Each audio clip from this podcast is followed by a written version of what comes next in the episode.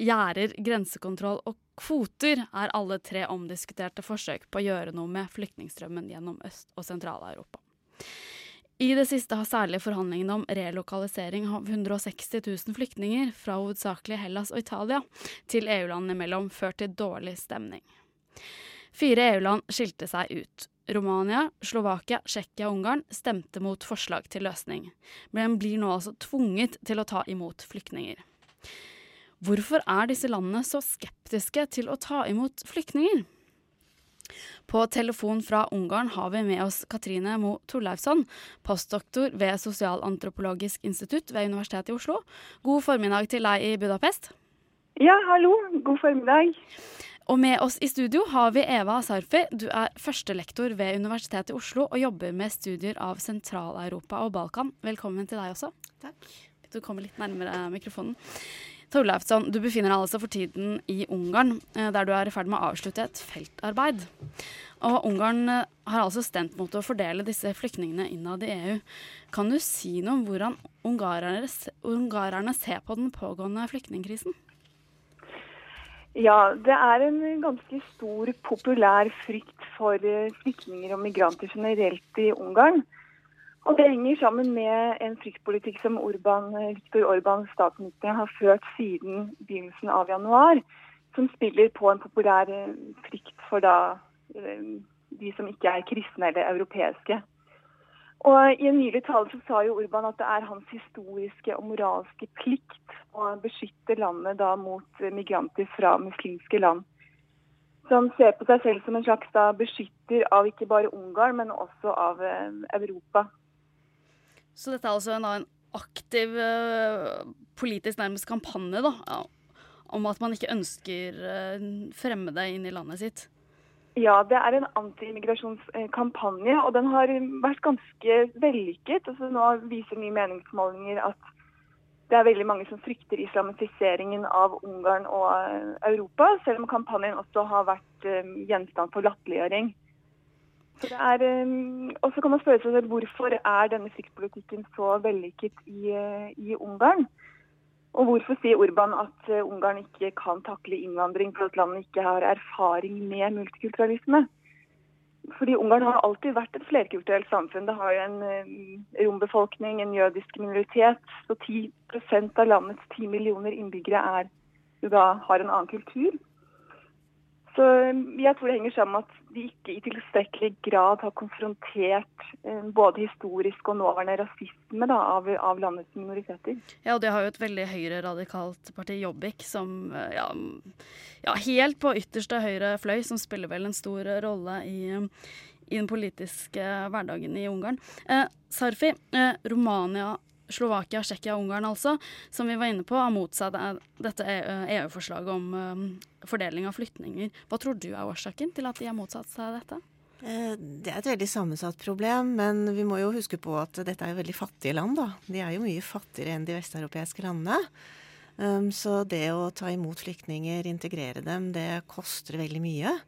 Eh, så det er jo et argument veldig mange et trekker fram. ikke sant? At eh, vi må jo først og fremst skaffe jobber til våre egne. og de har jo heller ikke en velferdsstat som fungerer i særlig grad. Sånn at eh, det er litt sånn oss selv først, og så får vi se hvordan det kommer etterpå. Så det er jo én del av det. Eh, en annen ting som jo dere også har vært inne på, det er dette med at de har ikke tradisjon for flyktninger. Det er blitt sagt at de har tradisjon for minoriteter, det er sant. Men der har de også dårlige tradisjoner, dårlige erfaringer. Altså man har Øst-Europa, Sentral-Europa er veldig multikulturelt, veldig etnisk sammensatt. Men disse etnisitetene har jo også vært i konflikt med hverandre. Eh, vi har jo sett krigene på Balkan, ikke sant. Og i Romania er det store konflikter mellom rumenere og ungarere. Det samme i Slovakia, mellom de forskjellige folkegruppene. Sånn at de har erfaringer med multietniske, multikulturelle samfunn. Men de er veldig vanskelige, de problemene. Og veldig sammensatte. Og de har ikke klart å løse dem. Og da tenker de som så at dette er jo på en måte vestlige eller altså europeiske folkeslag som vi har konflikter med.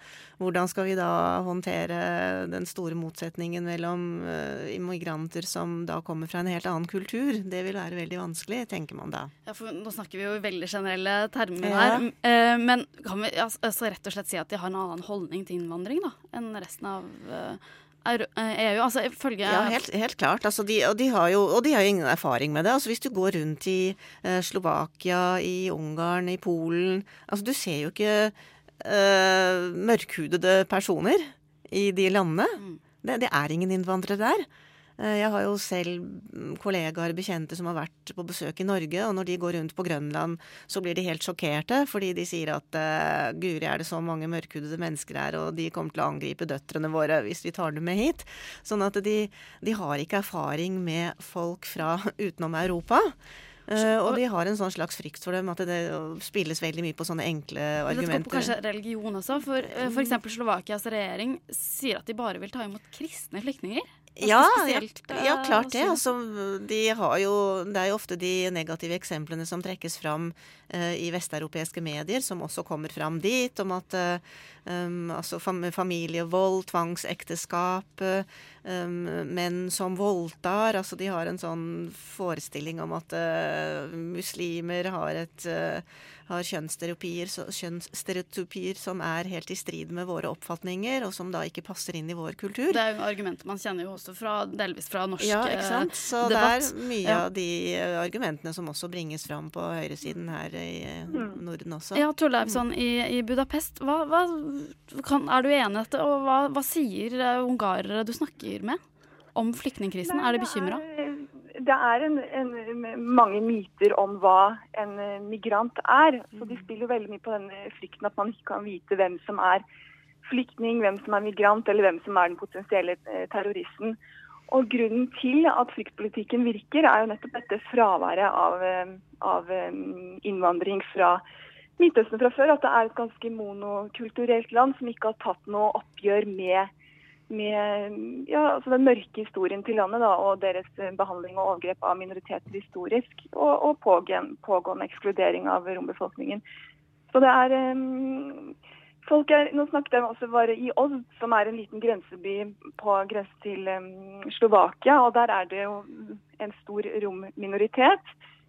Men ikke noe særlig flerkulturelt enn det. Og der er det en stor nå frykt for, for, migranter. Og det er et paradoks, for det er ingen migranter der. Så det er en frykt i fraværet av, av migranter. Og det er um, interessant at selv et sted som ikke er påvirket av flyktningstemmene, er det en sånn populær um, skepsis mot, uh, mot hva innvandring utgjør, og hvilken trussel det utgjør mot den ungarske kulturen og, og væremåten.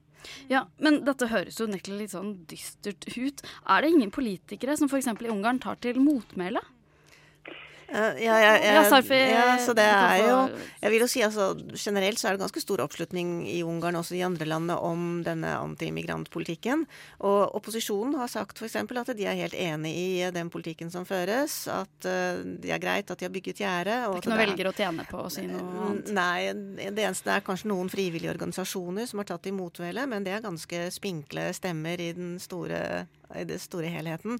Men jeg vil også si at det også fra eh, regjeringspartiets side så er det nok litt sånn spill inn i bildet. fordi altså Vi må ikke glemme at Ungarn mottok jo ekstremt mange flyktninger nå i løpet av våren og sommeren. Jeg var jo også Ja, For dette er store folkemengder? Ja, altså, vi snakker om 5000 personer som kommer per dag. Eh, eller som kom, i hvert fall før de bygget dette gjerdet. Og det vi også må huske på, det er at uh, i uh, Ungarn, da særlig som ble det første landet, uh, hvor, første Schengen-landet hvor de kom inn, det startet faktisk ikke med syriske flyktninger. Vi snakker veldig mye om syriske flyktninger, men det var en kjempetilstrømning av Kosovo-albanere allerede i fjor høst og i løpet av våren. Jeg var jo der på, i sommerhalvåret og også i vår. Uh, og da var ikke dette på dagsorden her i Norge. Da snakket vi veldig mye om uh, de som kom over Middelhavet. Ja. Mens da var det fullt på dagsorden. Ja, dette er mennesker som ikke flykter fra krig, men mer ja. for å søke jobb kanskje og sånne ting. Ja, og de har ikke beskyttelsesbehov, da. Så det var, på, det var også, allerede da begynte man å snakke om dette gjerdet. Uh, og så var det dette med at det kom sånne enorme strømmer som man rett og slett ikke klarer å håndtere. Altså Ungarn som første Schengen-land har jo plikt å registrere alle disse menneskene. Det har de ikke noe apparat til. Torleivsson, du har en kommentar her. Ja, det er jo også en stor redsel for en eventuell flyktningretur. For ifølge Dublin-avtalen så kan jo man returneres til det landet hvor man først registrerte seg som flyktning. Og Det er jo den frykten som også nå Jobbik og Fides bruker, at selv de som registrerte seg her på vei til Vest-Europa, nå kan eh, eventuelt eh, returnere. Så det er eh, selv om de nå har stengt grensene og, mm, slik at det ikke er så stort press på landet som det var før, så er det jo da denne frykten for en, en flyktningretur. Men da skulle man jo tro at de ville være enig i en slik uh, fordelingsavtale med EU, der hvor faktisk uh, flyktningene skal fordeles etter en uh, ja, viss rettferdig, på en viss rettferdig måte. Ja, de, de, mener at de ikke kan bære byrden med å, å få flyktninger med en radikalt annerledes eh, kultur. Så Det er det som er hovedargumentet. så selv om det er... Hovedargumentet kultur, og ikke nødvendigvis antall?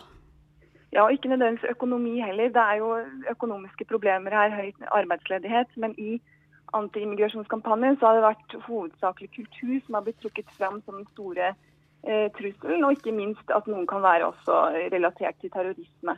Mm. Så det er en, eh, ja. Ja, jeg er helt enig i det, at det er det som eh, er blitt trukket fram. Men eh, det jeg også tror, det er at det nå, når dette gjerdet er bygget og på en måte det store presset er borte altså Det er litt sånn politisk spill inni dette her. fordi nå som sånn det store presset er borte, så tror jeg nok at eh, de etter hvert vil komme litt mer på glid. Kanskje de finner ut at det ikke er så ille? Ja, altså jeg har også lest en, eh, jeg har lest en eh, holdningsundersøkelse fra Ungarn, og også en fra Slovakia, eh, som viser at det faktisk er flertall i befolkningen for at man skal ta imot noen. Altså det er ikke snakk om tusener, men uh, iallfall at også Ungarn skal åpne for lite grann. Så jeg kan tenke meg at det går den veien at nå som på en måte det største presset er borte, så kan man liksom puste litt ut og vurdere om man skal ta imot noe. Oss, Men det får vi se. La oss håpe du har. Eh, rett, Eva Serfi. Det var det vi rakk. Du er altså førstelektor ved Universitetet i Oslo. Og takk til deg på telefon fra Budapest, Katrine Mo Torleivsson. Du er postdoktor ved Sosialantropologisk institutt ved Universitetet i Oslo.